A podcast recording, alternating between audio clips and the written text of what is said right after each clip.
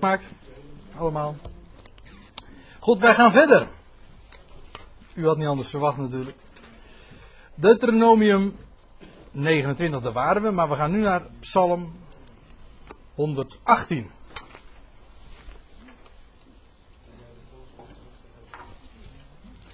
Psalm 118.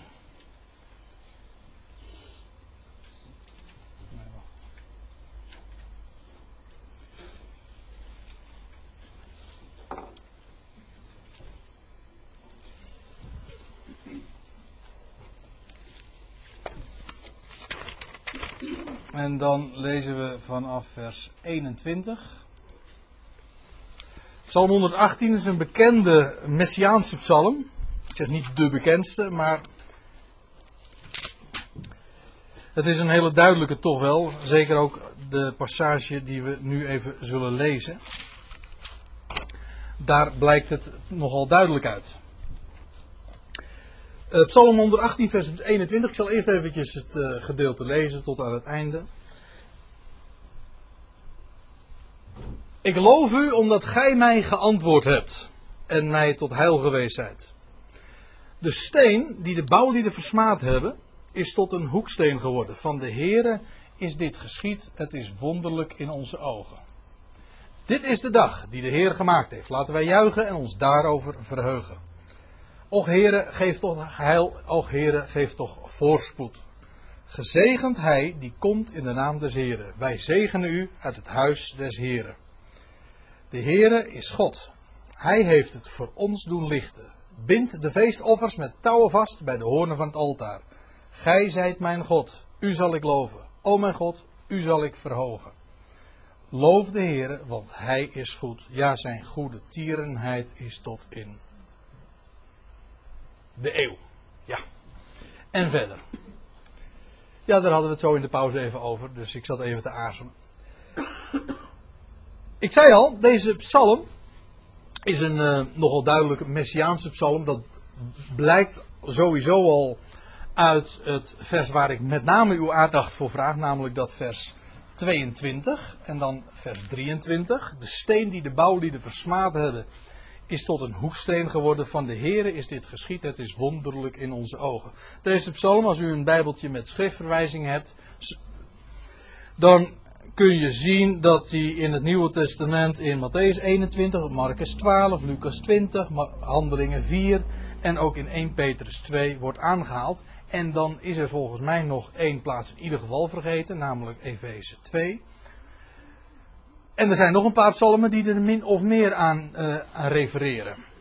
Dus uh, deze psalm speelt, dat is uh, duidelijk, en dit vers in het bijzonder, speelt een nogal grote rol in de Nieuwe Testament. En daar blijkt zonder meer dat de steen waar het hier over gaat, niemand anders is dan, hoe zal ik dat nou eens zeggen, de zoon van de vader. En als u Hebreeuws kent, zou u meteen begrijpen wat ik bedoel. Nou ja, in ieder geval hoeft het weinig toelichting, want in het Hebreeuws is Eben, is steen Eben, moet ik zeggen. Eben, u maar aan Eben Ezer. Sommige mensen kennen dat hier, hè? Eben Ezer. En iedereen die denkt dat dat betekent. Ja, ik hoor het goede en ik hoor, en ik hoor de niet zo goede, maar toch niet helemaal fouten.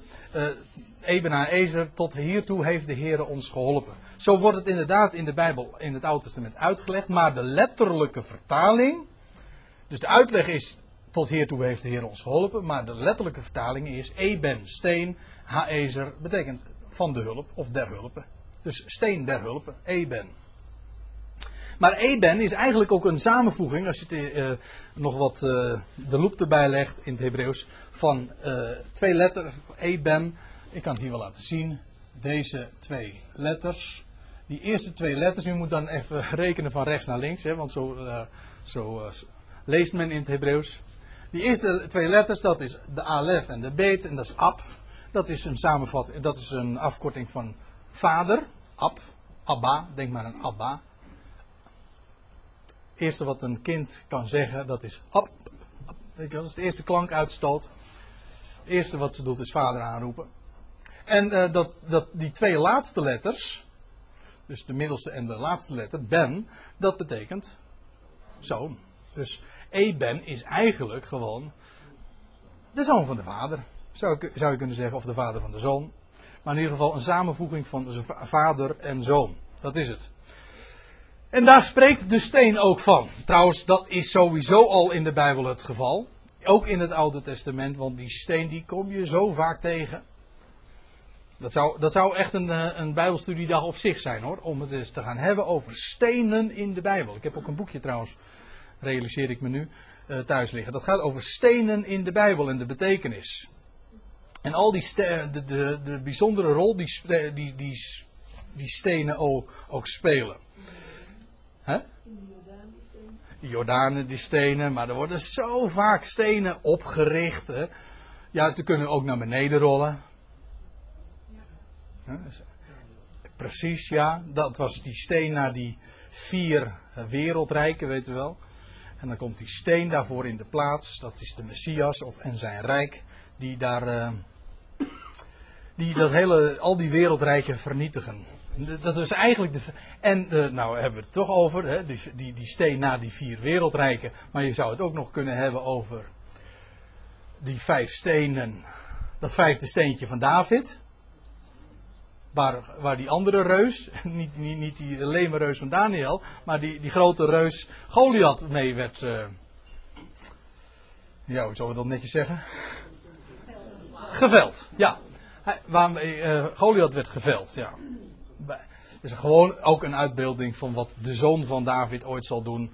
Inderdaad, met die, groot, die grote reus, de, al die wereldrijken zullen geveld worden. Dat is een vijfde. Maar uh, daarover zullen we het maar even niet hebben. Laten we het nog even een ander mooi voorbeeld uh, gebruiken. In de psalmen kom je trouwens zo vaak tegen. Mij, o mijn heren, mijn steenrots.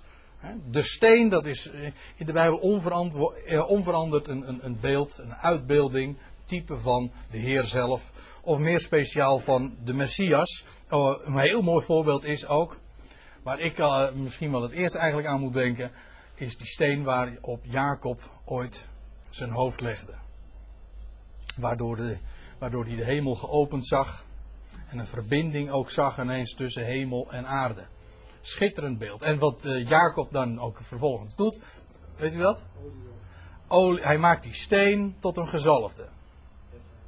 Ja, eigenlijk in het Hebreeuws, hij maakte die steen tot de Messias. want dat is uh, gezalfd, dat is Mashiach in het Hebreeuws. Hij maakte die steen tot de gezalfde. En hij richtte hem op. Hij zette hem overeind. Waar zou dat nou een beeld van zijn?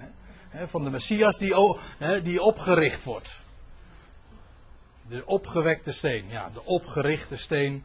En uh, dat uiteindelijk niks anders is dan een huis gods. Hè? Bet-El. Huis gods. In wie God zelf woont.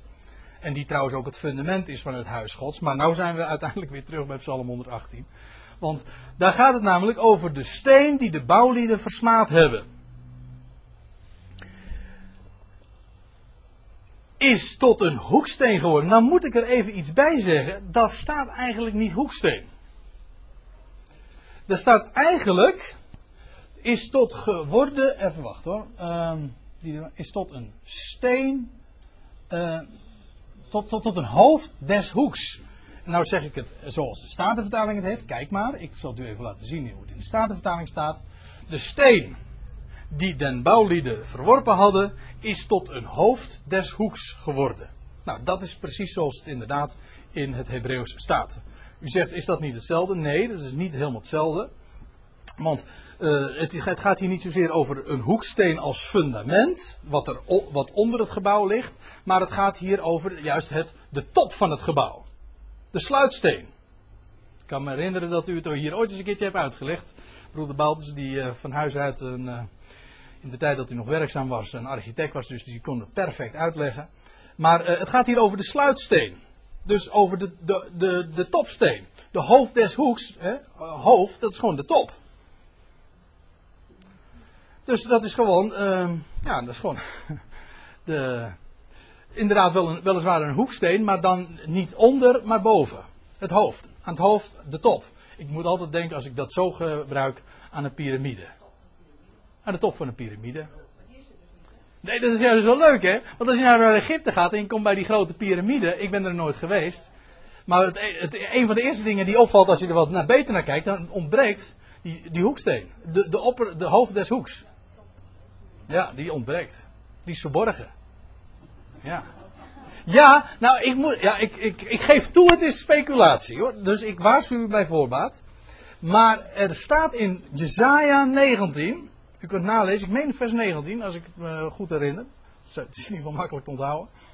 Uh, Jezaja 19, daar staat dat de Heer te dien dagen in het, uh, in het land van Egypte een opgerichte steen zal hebben. Ja, er zal trouwens ook weer vijf steden in Egypteland zijn waar de Hebreeuwse taal gesproken wordt. Staat allemaal in Jezaja. Maar daar staat ook dat de Heer een opgerichte steen zal hebben in Egypte. En dan vraag je af, waar zou hij die steen hebben? Zou, zou het op die piramide zijn? Hm? Ja, lijkt mij ook hoor. Er ontbreekt namelijk nog één steen trouwens aan die piramides. Daar zit een heel verhaal nog aan vast. En ik geloof dat daar uh, nog een, uh, een, enorme spraak ook van uitgaat. Daar zullen we het niet over hebben. Is ook niet het onderwerp. Maar in ieder geval, dat is het hoofd des hoeks. Hè? Daar hadden we het over. De, de, de sluitsteen, de topsteen. Gewoon. Psalm 19, uh, Jezaja 19 vers 19. Kijk eens aan. Dus uh, dat is eigenlijk wat er staat. Het gaat hier dus niet zozeer om het fundament. De gedachte op zich klopt, want die zullen we uh, later deze middag ook nog wel tegenkomen. Maar hier is de gedachte: de steen die de bouwlieden hebben afgewezen, hebben versmaad. En straks zal ik laten zien dat het hier inderdaad om Israël gaat, of meer speciaal de leidslieden van Israël. De leidslieden van Israël die de steen hebben afgekeurd. Kunt u zich voorstellen, er wordt een gebouw gemaakt en, en bouwlieden, metselaars, die, die gooien gewoon een steen zomaar weg.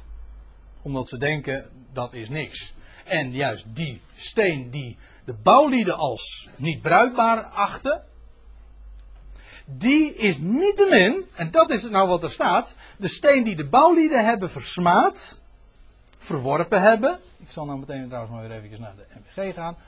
De steen die de bouwlieden versmaad hebben, die is tot een hoofd des hoeks geworden. Dus ondanks het feit dat Israël deze steen verwerpt, versmaadt, terzijde schuift, onbruikbaar acht, is niettemin juist een hoeksteen geworden aan de top. En waarbij je de vraag zou kunnen stellen: hoe kan dat eigenlijk? Want als, als de Messias zal komen, dan is het toch zo dat hij zijn rijk juist gaat, gaat uitbouwen, zijn, om even in het spraakgebruik te blijven, dan gaat hij zijn rijk toch juist bouwen op, op basis van, van een Israël dat hem accepteert, hem aanvaardt en via dat volk hem eh, toch, toch zijn koninkrijk gaat openbaren. Maar hier staat, die steen die hebben de bouwlieden versmaad, maar is niettemin tot een hoeksteen geworden. Waarvan, waarvan dan? Hoe kan dat dan? Want die steen die zou toch, toch, die zou toch geaccepteerd worden ook door, door het volk van Israël. En, en, zo, op die manier zou hij tot een hoeksteen worden voor, voor, de, hele, uh, ja, voor de hele wereld. Begrijpt u wat ik ermee wil zeggen? Kijk, het is iets wonderlijks, want dat staat hier namelijk ook. Hè? De, de bouwde Israël hebben de steen verworpen, maar hij wordt niet tot een hoeksteen. Van wat dan? Nou, dat is wat Israël zich dus ook afvraagt. wat hier ook, waarvan hier staat. Uh, van de Here is dit geschied. Wordt trouwens ook elders in het Nieuwe Testament aangehaald. Van de Here is dit geschied. Het is wonderlijk in onze ogen. Met andere woorden, we begrijpen het niet. Het is verborgen. Begrijpen we niet. Nee, inderdaad, dat is nou weer een van die verborgen dingen in het Oude Testament. Dat Israël verwerpt de Messias. Maar ondanks het feit dat uh, hij de verworpene is van Israël, wordt hij niettemin de hoeksteen van een ander bouwwerk. Welk bouwwerk? Nou, dat is verborgen. Dat is wonderlijk, begrijpen we niet. Nou, ik zal het u laten zien. In uh, ja, Matthäus 21. Daar gaan we eens naartoe. Daar wordt deze psalm namelijk aangehaald. Matthäus 21, vers 42. Zo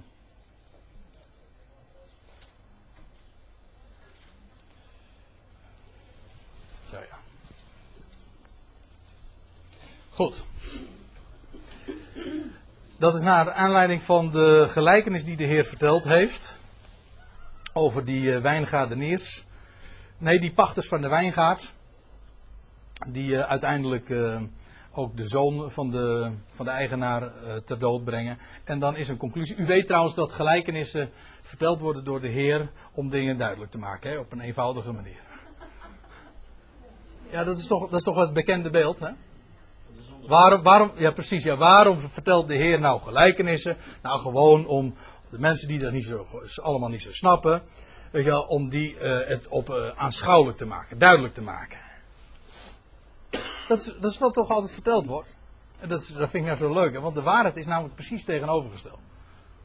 Een gelijkenis is namelijk helemaal niet iets om, dat, de heer, die de heer, dat, vertelt de Heer niet om iets duidelijk te maken, maar juist om een betekenis te verbergen. Ja, echt waar. Dat is, dat is uh, wat de Heer zegt in Matthäus 13. Ik kom er straks nog even op terug. Uh, in verband met een andere schriftplaats. Hier lees ik eventjes door, want we waren in verband met Psalm 118 te spreken over die hoeksteen. Nou, daar staat er. Jezus zei tot hen, en dan gaat het over de fariseeën en de overpriesters. Jezus zei tot hen, heb gij nooit gelezen in de schriften, en nou gaat hij Psalm 118 citeren, de steen die de bouwlieden af, die de bouwlieden afgekeurd hadden, deze is tot een hoeksteen geworden. Van de Heer is dit geschied. Het is wonderlijk in onze ogen. Daarom, ik zeg u, dat het koninkrijk Gods van u zal weggenomen worden en het zal gegeven worden aan een volk dat de vruchten daarvan opbrengt. En wie op deze steen valt, zal verpletterd worden en op wie hij valt, zal hij vermorzelen. Die zal hij vermorzelen. En toen de overpriesters en de fariseeën zijn gelijkenissen hadden gehoord, begrepen zij, zij begrepen, in dit, dat begrepen ze in ieder geval wel, dat hij hen bedoelde. En hoewel ze hem trachten te grijpen, vreesden zij de scharen daar die hem voor een profeet hielden. Nou, het gaat mij hier even om het punt uh, dat de Heer Jezus deze psalm dus aanhaalt. Heel uitdrukkelijk, die steen uh, heeft betrekking op hemzelf. Op die zoon, weet je wel, die die, uh, die, die pachters van de wijngaard hadden uh, vermoord. Dat is de steen die de bouwlieden hebben afgekeurd. Maar hij is niet te min tot een hoeksteen geworden. En weliswaar als het ene volk hem verwerpt. Als Israël hem verwerpt. Dan, dan zit God niet om het hand of zo. Nee, het zal gegeven worden, staat hier, aan een volk dat de vruchten daarvan opbrengt. Daar wordt verder hier niks over gezegd. Laat staan geopenbaard. Maar het wordt wel vermeld. En wij weten achteraf dat dit inderdaad te maken heeft met wat God in deze tussentijd doet. Nu, nu nog steeds de bouwlieden de steen versmaden, is er de steen, de versmade steen, de verworpen steen, nog wel degelijk de grondslag en eigenlijk ook de, de hoofd des hoeks, hè, de topsteen, de sluitsteen van een godsgebouw. Een verborgen godsgebouw. Of zal ik het nog anders zeggen, zoals dat in Petrus genoemd wordt, maar ik volgens mij ook door Paulus, een geestelijke tempel. Een geestelijke tempel, geestelijk wil zeggen dat je het niet kunt zien.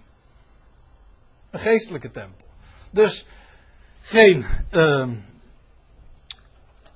dus geen zichtbaar gebeuren, maar een geestelijk bouwwerk, een verborgen gebeuren, een verborgen bouwwerk. God is vandaag bezig, om eventjes in spraak te gebruiken te blijven, terwijl de bouwlieden de steen hebben versmaad en verworpen, is God vandaag bezig met het optrekken en het bouwen van een van een, een andere tempel, van een ander gebouw, waarin hij ook inderdaad woont, een geestelijke tempel. En, uh, en dat is een bouwwerk onder de heidenen.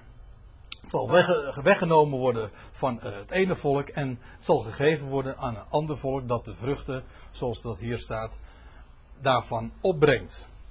Ik ga nog naar een andere schriftplaats. Ik, noem, ik uh, noemde het zojuist al even. Efeze 2, vers 20.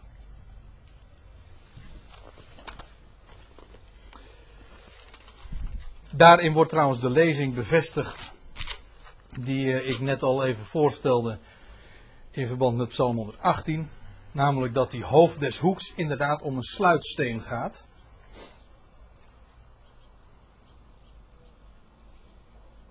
Er zijn ook vertalingen die dat eh, hier in Efeze 2 zo weergeven. Hoewel de MBG ons daarin niet welgezind is. Maar goed, uh, daar staat in uh, Efeze 2, vers 20. Uh, er wordt er gesproken dus over de gemeente, over de gemeente Gods. En dan staat er in vers 20, gebouwd op het fundament van de apostelen en de profeten. Terwijl Christus Jezus zelf de hoeksteen is. Dat wil zeggen, de sluitsteen. Hier blijkt trouwens, uh, mijn inziens helemaal duidelijk, dat uh, Christus Jezus hier ook niet, niet zozeer gedacht wordt als, als deel uitmakend van het fundament. Nee, gebouwd op het fundament van de apostelen en profeten, dat is beneden, onder, onder het gebouw. En de sluitsteen, gewoon de afsluiting, de top, en de, de, de, het ornament, het kapiteel, hoe je het ook maar zeggen wil, dat is Christus. Christus, Jezus, dat wil zeggen de verrezene, de verheerlijkte, hij die momenteel inderdaad niet zichtbaar is. Hè, maar dat wisten we al, hadden we het net al even over. De, de topsteen, de, de, de hoofd des hoeks, die zie je niet. Nee. Terwijl Christus Jezus zelf de hoeksteen is. In hem was elk bouwwerk goed ineensluitend op tot een tempel heilig in de Heer. In wie ook gij mede gebouwd wordt tot een woonstede Gods in de geest. Nou, dit is uh, of een directe, maar in ieder geval een indirecte verwijzing ook naar Psalm 118, waar, waar gesproken wordt over de bouwlieden die de steen hebben versmaad. Maar die niettemin, ook in de tijd dat die steen versmaad wordt, de hoeksteen is van een ander bouwwerk. Welk bouwwerk? Dat weten we niet, staat er in Psalm. Het is wonderlijk in onze ogen. Van de Heer is dit geschied. En Paulus openbaart het. Trouwens, Petrus licht ook een tipje van de sluier op. En de Heer Jezus ook al in Matthäus 21. Dus in het Nieuwe Testament wordt het inderdaad geopenbaard. Namelijk een niet onder Israël, maar onder de heidenwereld wordt er een, een geestelijk bouwwerk uh, gebouwd. Dat wil zeggen niet zichtbaar. En uh, dat niet van bakstenen, maar van levende stenen. Mensen namelijk. Die worden gemaakt tot één geheel, een woonstede Gods in de geest. Zoals Paulus dat hier dus noemt. Dus dat is ook een van die verborgen dingen in het uh, Oude Testament. In Psalm 118 wordt er gezegd van, het is wonderlijk in onze ogen, we begrijpen het niet. Van de Here is het geschied, maar het blijkt inderdaad betrekking te hebben, bij nader inzien, nu wij meer weten, op de tijd waarin wij leven. Dat Israël nog steeds de Messias verwerpt, de Eben, de steen, maar niettemin, hij is momenteel de hoeksteen van een ander bouwwerk, van een woonstede gods in de geest. Ja, nou, uh, ik heb nog uh, zoveel schriftplaatsen op mijn lijstje staan, daar komen we toch niet vandaag uh, aan allemaal aan toe. Maar ik wil toch wel een beetje tempo erin houden. We gaan naar Jesaja 8. Jesaja 8.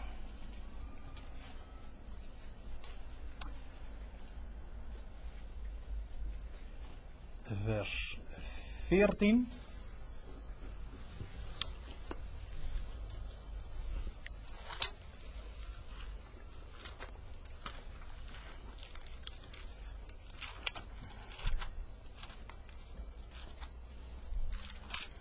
Zei wel eens een keertje, het is uh, makkelijk hoor met zo'n uh, computer. Dan kun je het allemaal meteen zien, maar ik moet nou twee keer dingen opzoeken.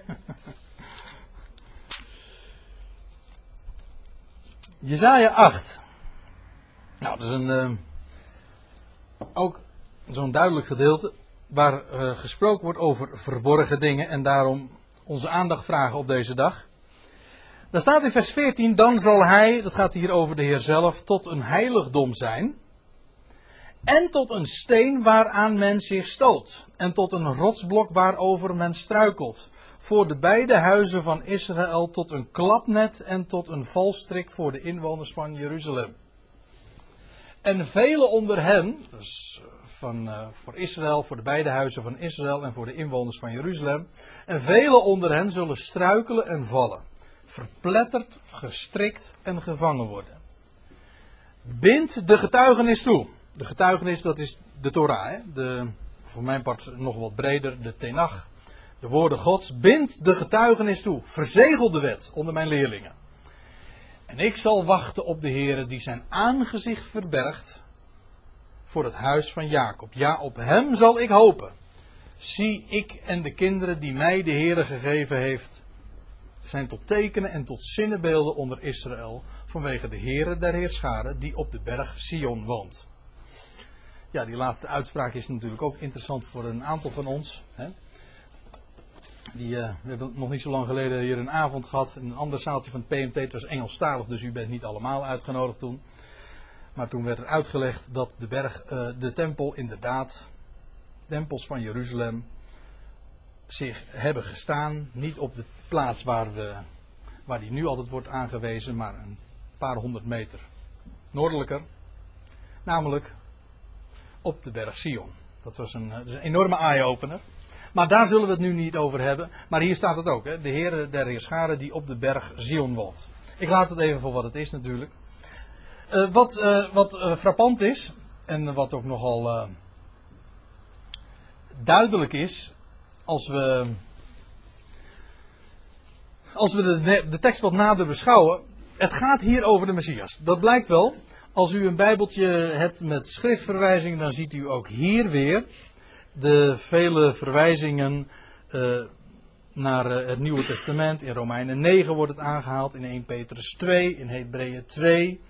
Ook in 1 Petrus 3 wordt het uh, nog naar verwezen. En dan nog alle andere plaatsen die er min of meer mee te maken hebben. Er wordt hier namelijk gesproken over de steen waaraan men zich stoot. Nou, daar hadden we het net al over, over de steen die de bouwlieden hadden afgekeurd, dat is de Messias. Dat is hier ook zo. En hij is tot een rotsblok geworden waarover men struikelt voor de beide huizen van Israël. Dat wil zeggen de twee stammen, de tien stammen, de beide huizen van Israël.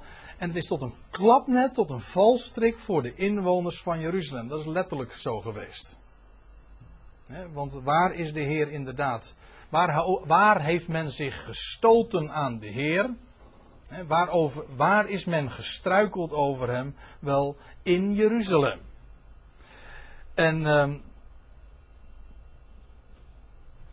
dan staat er in vers 15: En velen onder hen, namelijk onder Israël, of meer speciaal van Jeruzalem. En velen onder hen zullen struikelen en vallen, namelijk over die steen. En, en zich stoot aan die steen. Paulus gebruikt trouwens ook datzelfde beeld in Romeinen 11. Hè. Zij zijn gevallen over de steen. Um, en velen onder hen zullen struikelen en vallen, verpletterd, gestrikt en gevangen worden. Nou, dat is een directe verwijzing ook naar wat er gebeurd is in de eerste eeuw. En daarna. Want wat is er gebeurd? Men struikelde over Israël, men viel over hem. Maar uiteindelijk is dat ook de directe aanleiding tot de, de val van, van, de, van de Joodse natie en uh, voor de val van Jeruzalem. De hele stad is verwoest. Het is een, een enorme dramatische gebeurtenis wat daar heeft plaatsgevonden in het jaar 70. En men is verpletterd en uiteindelijk is men, in, uh, is men gevangen geworden, letterlijk soms. Men, men, is weer, uh, als, als, ze zijn als gevangenen, slaat er in de boeken van, ook van Flavius Josephus, die Joodse geschiedschrijver, dat ze als gevangenen zijn gevoerd weer velen naar Egypte ze weer terug naar af dus eigenlijk. Maar feitelijk is dit een uitbeelding of een, een uitdrukking die staat voor de ballingschap. Ballingschap in de Bijbel is hetzelfde als de gevangenschap. Die uh, Bijbels, die termen zijn zelfs uh,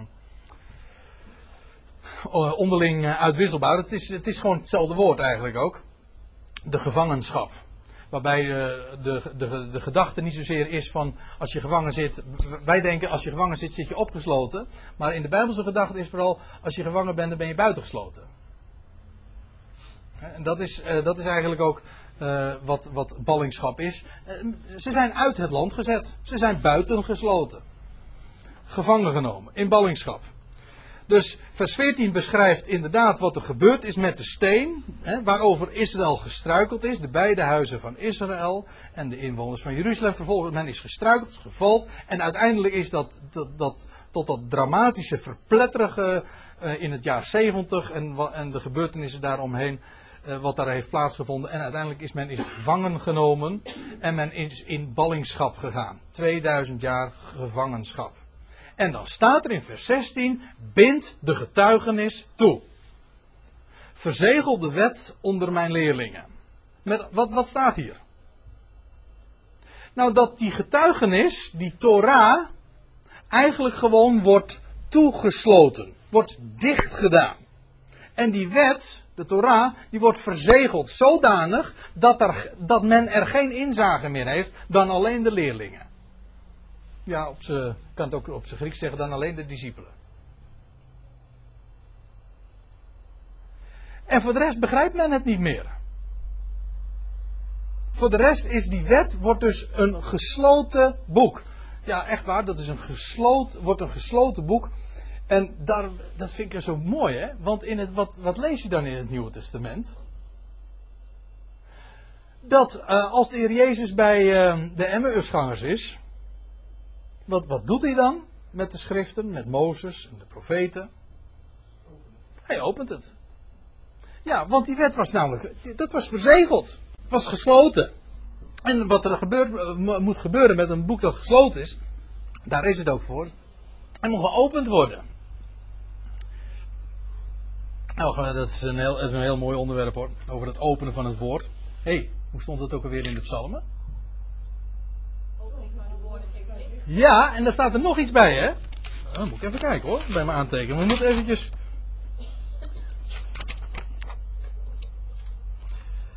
Er staat in Psalm 119. Ik heb hem bij mijn aantekeningen nog staan, maar daar wil ik dan nu even op wijzen. Psalm 119, vers 29. Um,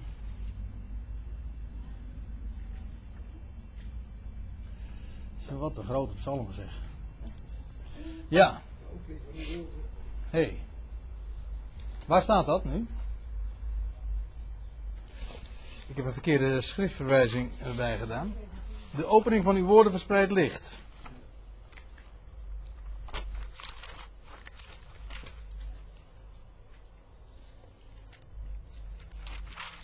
Vers 130. Vers 130? Oh.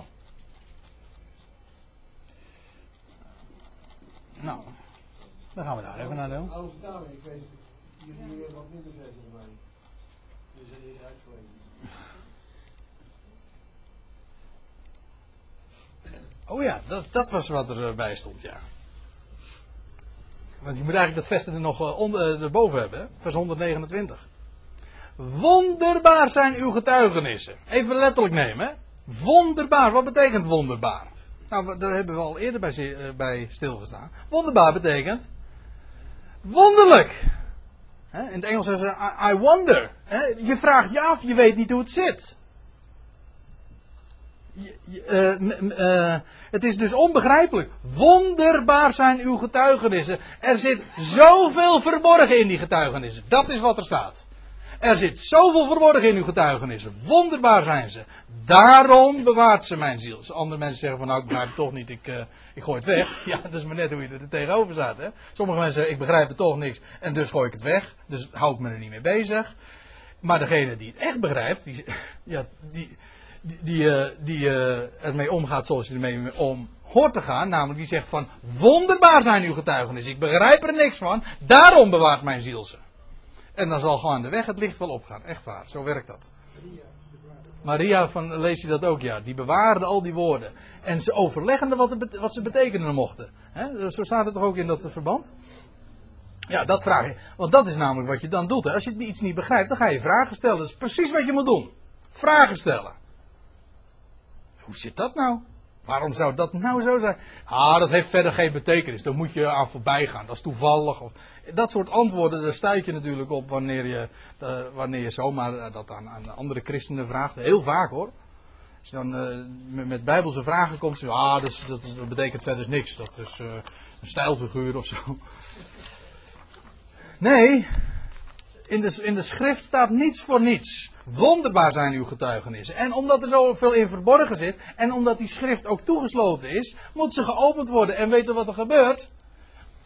Het openen van uw woorden verspreidt licht. Dat is wat er gebeurt. Als dat, dat woord, als het geopend wordt, dan ineens komt er eens zo'n bundel van licht vrij. En dat geeft onverstandige inzicht. Ik moet er ineens aan denken dat het woordje uitleg in het, uh, in het Hebreeuws ook eigenlijk uh, een openen is. Ik uh, herinner me dat ik ooit eens een keertje sprak over die geschiedenis van Gideon. dat er sprake is van zo'n gerstebrood dat de berg af komt rollen. Hoe was het ook alweer? En dan staat er van, en dit, en dan, staat, dan zegt Gideon, en dit is de uitlegging. Ah, en dan staat er letterlijk in het Hebreeuws, en dit is de opening. Dat wordt gebruikt in verband met het openen van een vrucht of zo, van een kokosnoot of weet je veel wat. van een vrucht dat, dat moet geopend worden. En dan komt pas de inhoud vrij. Nou, dat is een uitleg. Die, dat die woorden gods die zijn als vruchten toegesloten. En de inhoud, ja, die komt pas vrij wanneer het geopend wordt. De opening van uw woorden verspreid licht. Er zit zo. De eigenlijke inhoud van het, van het woord van God, dat zijn de verborgenheden. Dat is namelijk allemaal wat erin zit. Dat is trouwens met voedsel altijd zo. Dat zeggen ze toch met brood. Daar zit wat in. Goed, eh, we waren bij. Uh,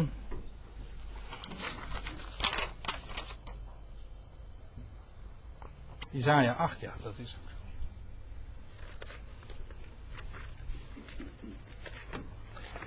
Isaiah 8, ik moet even terug. Ik kan het ook zo doen. Zo ja. Bind de getuigenis toe, verzegel de wet onder mijn leerlingen. En dan staat er, en ik zal wachten op de Heer, die zijn aangezicht verbergt voor het huis van Jacob. Ja, op hem zal ik hopen. Dat wil zeggen, in die tussentijd, dat zegt de Messias, hè. Dat, zal ik kan ik straks ook nog aantonen hoor, dat dit woorden van de Messias is, zijn. En ik zal wachten op de Heer die zijn aangezicht verbergt voor het huis van Jacob. Ja, op hem zal ik hopen. En dan staat er in vers 18: Zie, ik en de kinderen die mij de Heer gegeven heeft, zijn tot tekenen en tot zinnenbeelden onder Israël, vanwege de Heere der Heerscharen die op de berg Sion woont. En ik ga het u nu niet uh, laten zien, maar u kunt echt naar Hebreeën 2, vers, wat is het? 13 gaan. Daar wordt dit namelijk aangehaald. En daar, gaat, en daar wordt gezegd, dit is de Messias die aan het woord is. En ik en de kinderen, dat is die gemeente die gebouwd wordt. In die tussentijd dat God zich verbergt voor het huis van Jacob. Dat, omdat zij gestruikeld zijn over die steen. En dat in die tussentijd dat voor hen ook de wet verzegeld is. De eigenlijke diepste inhoud voor hen, zich aan hen onttrekt. Dat, dat is niet toegankelijk voor hen. De getuigenis is uh, uh, toegesloten. Verzegeld is het. Dat wil zeggen, je kunt niet openen. En in die tussentijd is er niettemin daar de Messias met hem en zijn kinderen. Hè? Want ja, die ik, u zegt dat is Jezaja, hè, met zijn twee zonen. Hoe heet ze ook weer? ja. Maasal Gasbas en Shariashuf. Scheerjaschub. Ja, die had, ja, onmogelijke namen natuurlijk. Maar daarom staat er ook van het waren zinnenbeelden.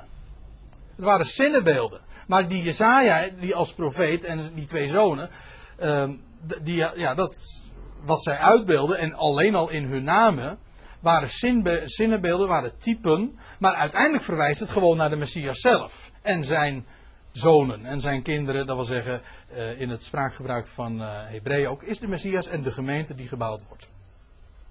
Ja, maar het gaat mij vooral om dat, uh, om die, om dat punt van, dus de Messias, die wordt verworpen.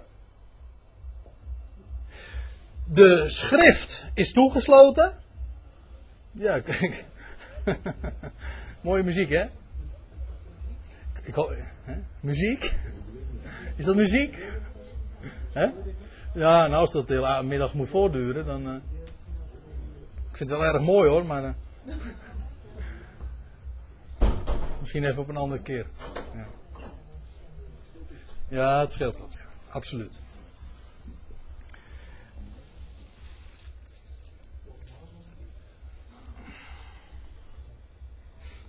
Ja. Dus in Jezaja 8, ik zal nog even samenvatten. In, wat we in Jezaja 8 dus zien. Uh, in vers 14, de steen des aanstoots. Vele malen komt dat voor in, uh, in het Nieuw Testament. Uh, Israël struikelt erover, valt erover en wordt gevangen genomen. Dat wil zeggen, gaat in ballingschap. In vers 16, de wet wordt verzegeld. Dat wil zeggen, is niet toegankelijk meer voor het volk. De Heere verbergt zijn aangezicht. Nou, dat is eigenlijk precies, misschien wel een van de meest treffende uitdrukkingen in verband ook met, met de, de periode tussen de eerste en de tweede komst van Christus in. De Heere verbergt zijn aangezicht. niet zichtbaar. En het werk dat hij doet is evenmin zichtbaar. Het is verborgen in de hemel. Dat is de enige manier om het te benaderen. Je ziet Christus toch niet? En de Heer laat zich nu toch niet zien? Ja, ik weet het. Daar hadden we het in de pauze ook nog even over. Natuurlijk laat God zich eh, kennen in de schepping. Daar hadden we het even over. En als je zo'n stralende dag is, het helemaal onmiskenbaar als het licht straalt en dat, en dat uh, ontluikend groen. Uh, dan zie je, en als de hele natuur weer levend wordt, dan laat de schepper zich kennen. Zeker, en als je eenmaal weet, de schepper echt ook kent, dan zie je zelfs in alle details van de natuur, ga je zelfs nog het woord van God herkennen. Want ja, God is, een, uh, is, is in de schepping heel creatief en artistiek bezig. Dat, dat is logisch. Elke, elke kunstenaar laat zich kennen in zijn werken. Toch? Of het nou zijn muziekwerken zijn, of zijn, uh, of zijn schilderwerken, of beeldhouwwerk je leert een, de kunstenaar kennen in datgene wat hij maakt. Nou, dat is met de schepper niet anders. De schepper leer je kennen uit zijn werken. Nou, als je de schrift niet hebt, dan weet je er niet zoveel. Dan, kun je één ding, dan weet je één ding en dat is er moet een schepper zijn. Een schepping veronderstelt een schepper, maar verder kom je niet. Maar als je eenmaal weet hoe het zit, als je de schriften kent, als je uh, eenmaal weet van hoe de God zich geopenbaard heeft, hij heeft gesproken, hij heeft zich geopenbaard, ja, dan ga je hem ook meteen her, direct herkennen in al zijn scheppingswerken. Tot de kleinste details aan toe. Daar heb ik een paar hele mooie voorbeelden van, maar daar hebben we het nu verder niet over. Ja. Nou, nou, ik wil één voorbeeldje wel geven. Daar moest ik namelijk, werd ik vanmorgen op geattendeerd door mijn kleine zoontje, Boas, hij was hier net ook. En uh, die vroeg zich af waarom, een, waarom uh, van die spinnen hebt met een kruis op hun rug. Waarom hebben ze een kruis op hun rug? Nou, ik, heb, ik zal u de, mijn uitleg uh, niet geven, maar ik heb hem wel gewezen op de Heer. Ja. Maar dat is dus zoals de God zich ook inderdaad in de kleinste details ga je, leer je God nu eenmaal kennen in zijn werken. Maar hij verbergt zijn aangezicht. Dat wil zeggen, je ziet hem niet. Ja, als je eenmaal weet wie hij is, dan, dan, herken je hem in alles. Maar normaal gesproken uh, laat de Heer zich nu niet zien. En daarom zeggen de mensen ook gewoon, ja, u niet. Hè, wij weten beter. Maar normaal gesproken, normale mensen zal ik maar zeggen, hè, dus die zeggen van God is dood. Als, mocht hij ooit bestaan hebben, uh, dan is hij nu in ieder geval dood. En laat niks van zich merken. Dat is wat de wereld ervan zegt als u uh, aankomende uh, maandag op uw werk komt en u gaat u over, met uw collega's erover praten. Dan, dan zult u termen in die, van dat soort horen. God is dood of hij laat niks van zich merken. Ja, er zal wel, wel wat zijn. Ja, daar, daar, valt, daar valt moeilijk aan te ontkomen, zo'n conclusie. Maar wie hij nou is en wat zijn plannen zijn, het onttrekt zich toch volkomen aan ons. Hij verbergt zich. Ja. En wij weten dat. En wij hoeven, dat vind ik zo mooi, daar hoeven we ons geen zorgen over te maken. Dat is dus zoals het hoort. De Heer verbergt zich. Ik moet er altijd wel aan denken dat er iemand. Uh, ik hoorde dat eens een keertje een, uh, bijbelleraar zeggen.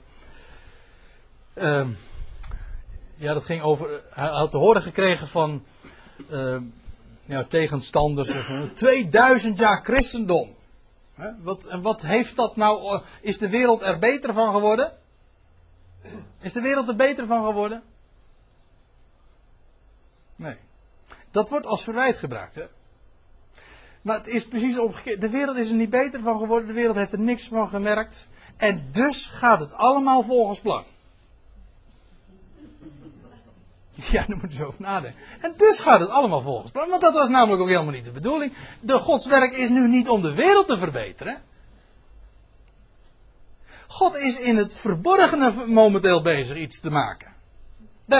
Dat onttrekt zich nou echt aan, aan, de, aan de journalisten van de krant. Dat komt niet op, de voorpagina's. hooguit op pagina 2, weet je wel, bij kerkdienst en zo. Waar je trouwens ook meestal niet te horen krijgt, maar goed. Hè. Begrijpt u? Het is gewoon, het onttrekt zich gewoon aan het oog. De Heere verbergt zijn aangezicht en het, dat, er is inderdaad wel sprake van een koninkrijk. Nou, dat is ook al verborgen. Het koninkrijk, dat wordt geopenbaard. Het is er wel, maar het is verborgen. De koning is er immers. En het, uh, het besturend lichaam wordt momenteel ook geformeerd.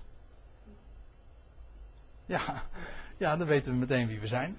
Het besturend lichaam wordt ook ge geformeerd. En eh, nou, dat zal straks. Het, is, het, is gewoon, staat in de stijgers, maar er, wordt niks, er, is niks voor, uh, er is niks aan te zien. Het is gewoon een verborgen aangelegenheid. En zo is dat.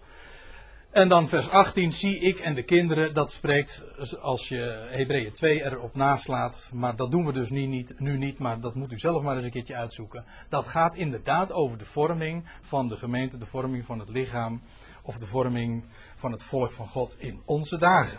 Goed. Volgende schriftplaats. Kijk, dat is nog eens een keertje. Opschieten, ja. Jezaja 28. Jezaja 28.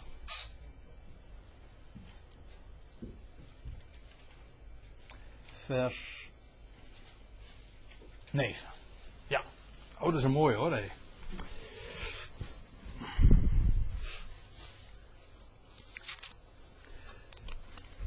Nou, ik lees eerst dat gedeelte even voor aan u.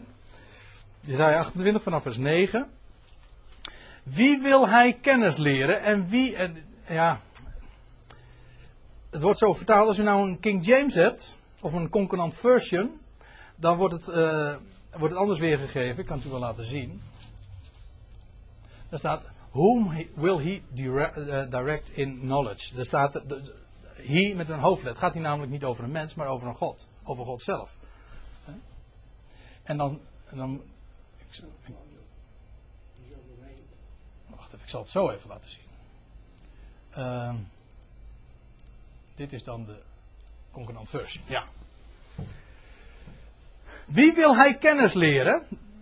En wie wil hij een openbaring doen verstaan? En dan staat er in de MBG-vertaling: hun die van de melk gespeend aan de borst ontwend zijn? Vraagteken. Dat is, is niet goed. Het, dat is namelijk een antwoord. Wie wil hij kennis leren en wie wil hij een openbaring doen verstaan? Nou, hun die van de melk gespeend en aan de, aan de borst ontwend zijn. Dat wil zeggen, die niet meer aan de melk zitten. Nou, zo staat het ook inderdaad in de concordant version. Ik meen ook, maar dat blijf ik even vanaf en in King James wordt het ook als antwoord opgevat. Dat is ook de meest logische betekenis. Dat is namelijk ook precies wat er in de Bijbel staat. Hè? Ja, Ik, ik, lees eerst even verder. Want het is, en dat is een aanklacht uh, aan het adres van Israël, want het is wet op wet, wet op wet, ijs op ijs, ijs op ijs, hier wat, daar wat. Het in het Hebreeuws leest, klinkt dat heel, dan staat het heel raar. Als je het in het Hebreeuws zegt, dan is het net uh, een brabbeltaal. Ja, taal van een kind. Leg, werp meteen ook licht op het navolgende vers, want er staat voorwaar door mensen die een onverstaanbare taal spreken en in een vreemde tongval zal tot dit volk spreken, hij die tot hem gezegd heeft, dit is de rust. Geef de vermoeide rust en dit is de verademing. Maar zij wilden niet horen. Zo zal voor hen het woord des Heren zijn. Wet op wet, wet op wet, ijs op ijs, ijs op ijs, hier wat, daar wat, opdat bij hun gaan achterwaarts, opdat zij bij hun gaan achterwaarts struikelen en te, en, en te pletter vallen, verstrikt en gevangen worden. Ziet u precies hetzelfde als wat er ook in Jezaja 8 stond. Daarom hoort het woord des Heren, gij spotters, heersers over dit volk in Jeruzalem. Gaat ook over de verwerping van de Messias in de, in de eerste eeuw. Omdat wij, omdat gij gezegd hebben, omdat gij zegt, wij hebben een verbond met de dood gesloten en met het dodenrijk een verdrag gemaakt. Wanneer de voortstormende gezel doortrekt, zal hij ons niet bereiken. Want wij hebben leugen tot onze schuilplaats gesteld en in bedrog ons verborgen. Daarom, zo zegt de Heere Heere, zie, ik leg in Zion een steen ten grondslag. Een beproefde steen. Een kostbare hoeksteen van een vaste grondslag. Hij hij die gelooft, haast niet. Die uitspraak, die kent u wel, hè? Ja, u dacht dat onthaasting uh, was uitgevonden door uh, Els Borst, maar dat is een misverstand. Hè? Hij die gelooft, die haast niet. Ja. Maar nou gaan we eventjes terug naar het uh, vers 9. Wie wil God nou kennis leren en wie wil hij een openbaring doen verstaan? Nou, hier wordt het antwoord gegeven. U dacht dat het antwoord pas in het Nieuwe Testament staat. Maar dat is niet waar, het staat al in Jezaja. Namelijk hun die van de melk gespeend en aan de borst ontwend zijn. Zij. Dat wil zeggen, dat is vaste spijzen. Zullen we eens eventjes daar naartoe gaan, naar, naar uh, waar dat uh, rechtstreeks gezegd wordt. In uh, Hebreeën 5.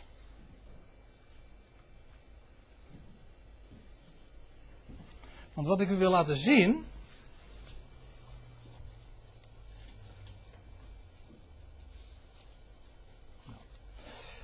Is dat waar wij ons vandaag mee bezighouden, met die verborgen dingen in het Oude Testament, dat is exact hetzelfde als wat in het Nieuwe Testament vaste spijs genoemd wordt. Wat is vaste spijs? Dat zijn de verborgen dingen in het Oude Testament. Dat is vaste spijs. Ik kan het u laten zien. Want in Hebreeën, daar eh, wordt gesproken over Melchizedek. Door God aangesproken als hoge priester naar de ordening van Melchizedek. En dan zegt de schrijver van de Hebreeënbrief hierover, of eigenlijk over wie, over hem hebben wij veel te zeggen. Maar het is moeilijk uit te leggen, omdat gij traag zijt geworden in het horen. Want hoewel gij naar de tijd gerekend leraars behoorde te zijn, hebt gij weer nodig dat men u de eerste beginselen, het ABC dus, hè, de eerste beginselen van de uitspraken Gods leert. En gij hebt nog melk nodig. Hè, dat is het ABC dus, hè, dat zijn de eerste beginselen. En geen vaste spijs. Want ieder die nog melk, van melk leeft, heeft geen weet van de rechte prediking. Hij is nog een zuigeling. Maar de vaste spijs is voor de volwassenen die door het gebruik hun zinnen geoefend hebben in het onderscheiden van goed en kwaad. Nou, uh, het punt is dit. De schrijver van de Hebreeënbrief brengt Melchizedek ter sprake en zegt dan: Over hem hebben wij veel te zeggen. Hoezo? Staat er in het Oude Testament zoveel over Melchizedek? Nou, ik zal u dit vertellen, zo goed als niks. Ga maar na, in uh, Genesis 14 staan er twee versen wel geteld. En hij komt nog één keer voor in Psalm 110. daar wordt er eh, die Messiaanse psalm en dan wordt er gezegd van gij zijt priester naar de... Nee, gij zijt koning naar de... Nee. Ja, precies. Nee, gij zijt priester naar de ordening van Melchizedek. Dat wil zeggen, niet door erfopvolging weer ongedaan gemaakt. Nee, voor eeuwig. Bovendien in combinatie met koningschap. Maar over Melchizedek staat in de Bijbel bijna helemaal niks. En, en, en, de schrijver van de Hebreeënbrief zegt, over hem hebben we veel te zeggen. En dat is maar niet alleen maar een pretentie, hij maakt hem waar. Want in Hebreeën 7, het hele hoofdstuk, een lang hoofdstuk, gaat het over de betekenis van Melchizedek. En dan wordt er gesproken over waar die priester was, in Salem. En dat hij wat de betekenis van Melchizedek. En uh, hoe dat dan allemaal ging met die, met die geschiedenis. Dat Abraham bij hem komt en zijn tiende geeft. Enzovoorts, enzovoorts. Hij zegt er heel veel over. Hij zegt, en dat gaat allemaal over Christus. Want dat blijkt, dat zit er allemaal in verborgen.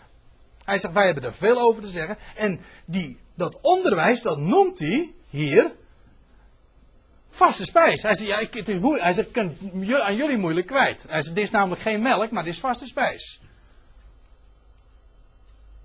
Is ja, wat wij dan noemen typologie. Dat, maar typologie is ook niks anders dan. De, dat, zijn de verborgen dingen. Ja, met name dan in het Oude Testament. Maar in het Nieuwe Testament vind je ook trouwens dat soort verborgen dingen. Dat wil zeggen, dat soort typologie. Een figuur die, eh, die dan zomaar in, de, zomaar in het verhaal opkomt. En dan een paar dingen worden ervan beschreven. Waar die, waar die woonde. En, en dan zijn naam wordt er vermeld. En, en nog een paar eigenaardigheden. En daar zit zoveel aan vast. Dat, dat blijkt namelijk één machtig. Nou, ik zeg geen plaatje. Een, een machtig panorama. Een schilderij te zijn. Van de Messias. In alle onderdelen. Maar dat zit erin verborgen. Dat is vaste spijs. Je ziet dat oppervlakkig gesproken niet. Nee, dat moet je op bijten. Moet je stuk bijten. Hè? Zo gaat het toch, hè? Dan moet je stuk, moet je op kouwen. Want dat is melk, dat kun je zo, dat is hapslik weg. Op vaste spijs, dan moet je kouwen. Dat wil zeggen, je moet eigenlijk stuk maken, zodat wat erin zit in dat voedsel, hè, zodat dat, de inhoud vrijkomt. Dat is vaste spijs. Hè? woorden, als het ware, die gesloten zijn en die geopend moeten worden door de tanden, als ik eventjes in de beeldspraak mag blijven.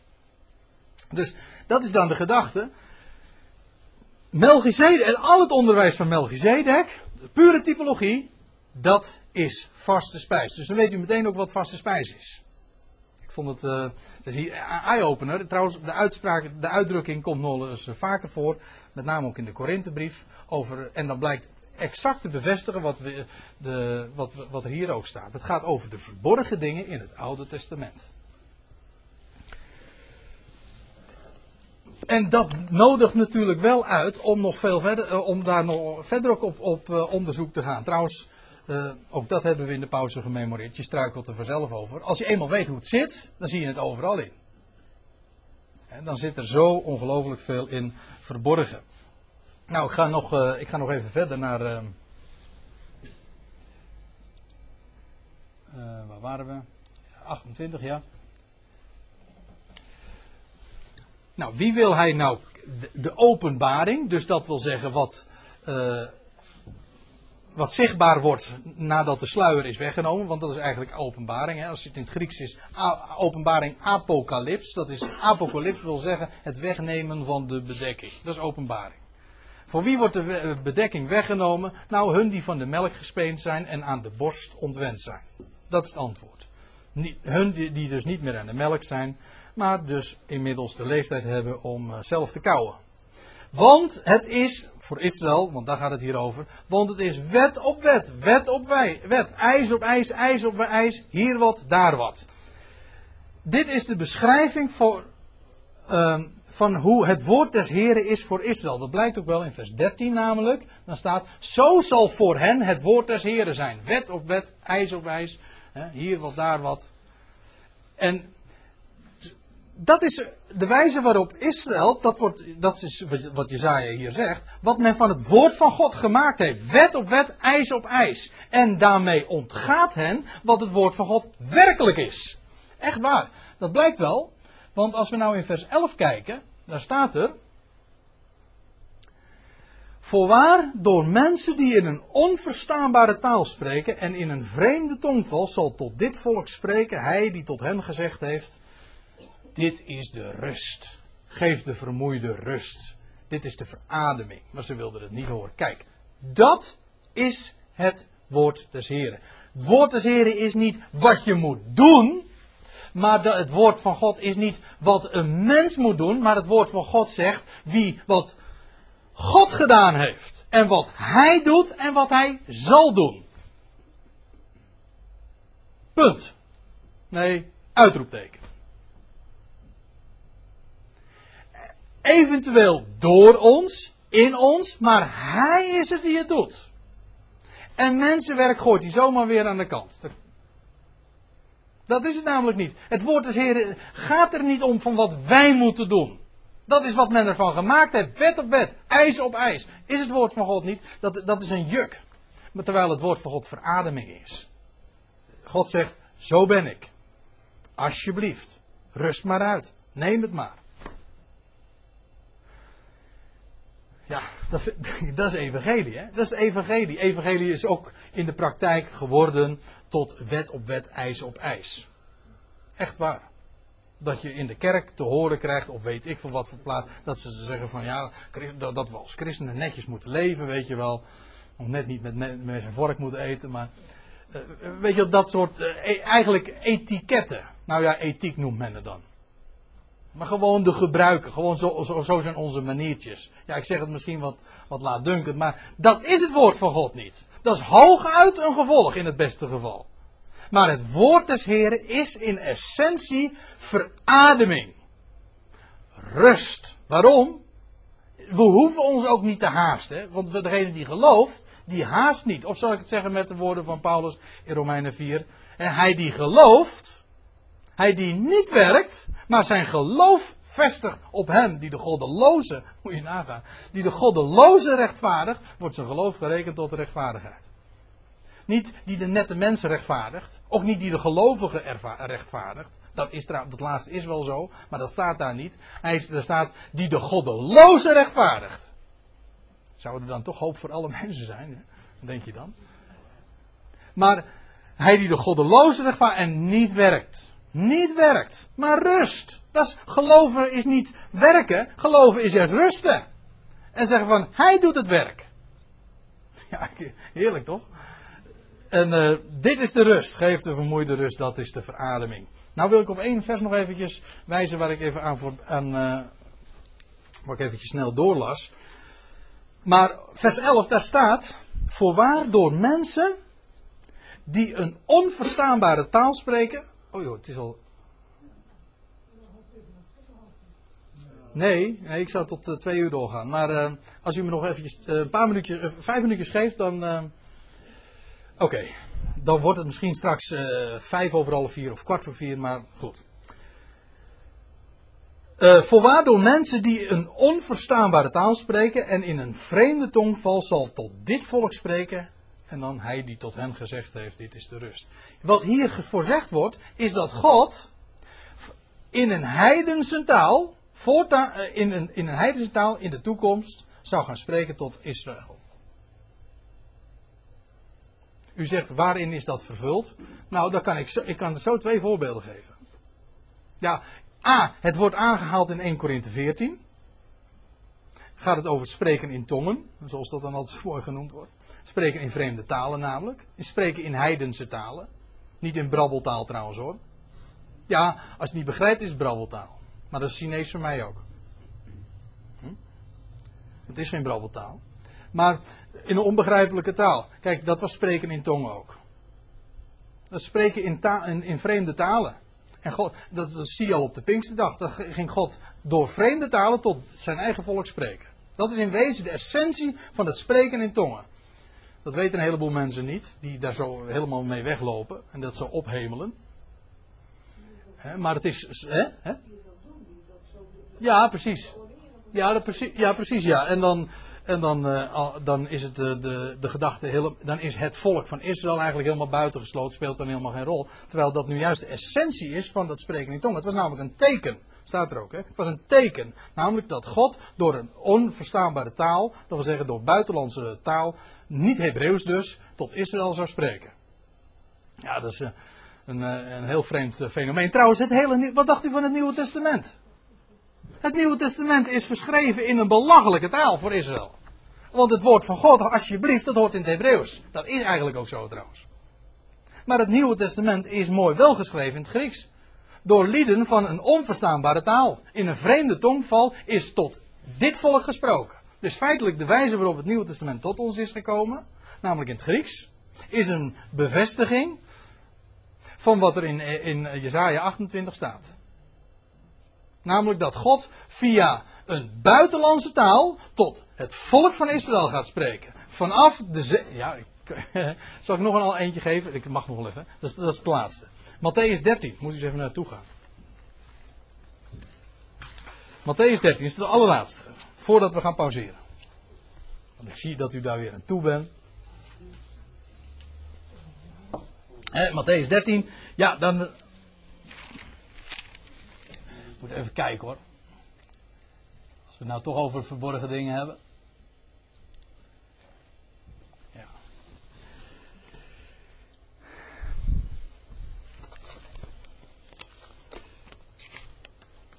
Nou, laat ik eerst even vers 14 kijken.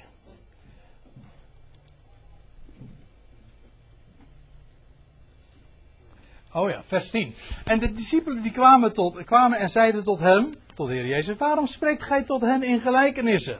Hij antwoordde hun en zeide, uh, om hen iets duidelijk te maken, anders begrijpen ze het niet.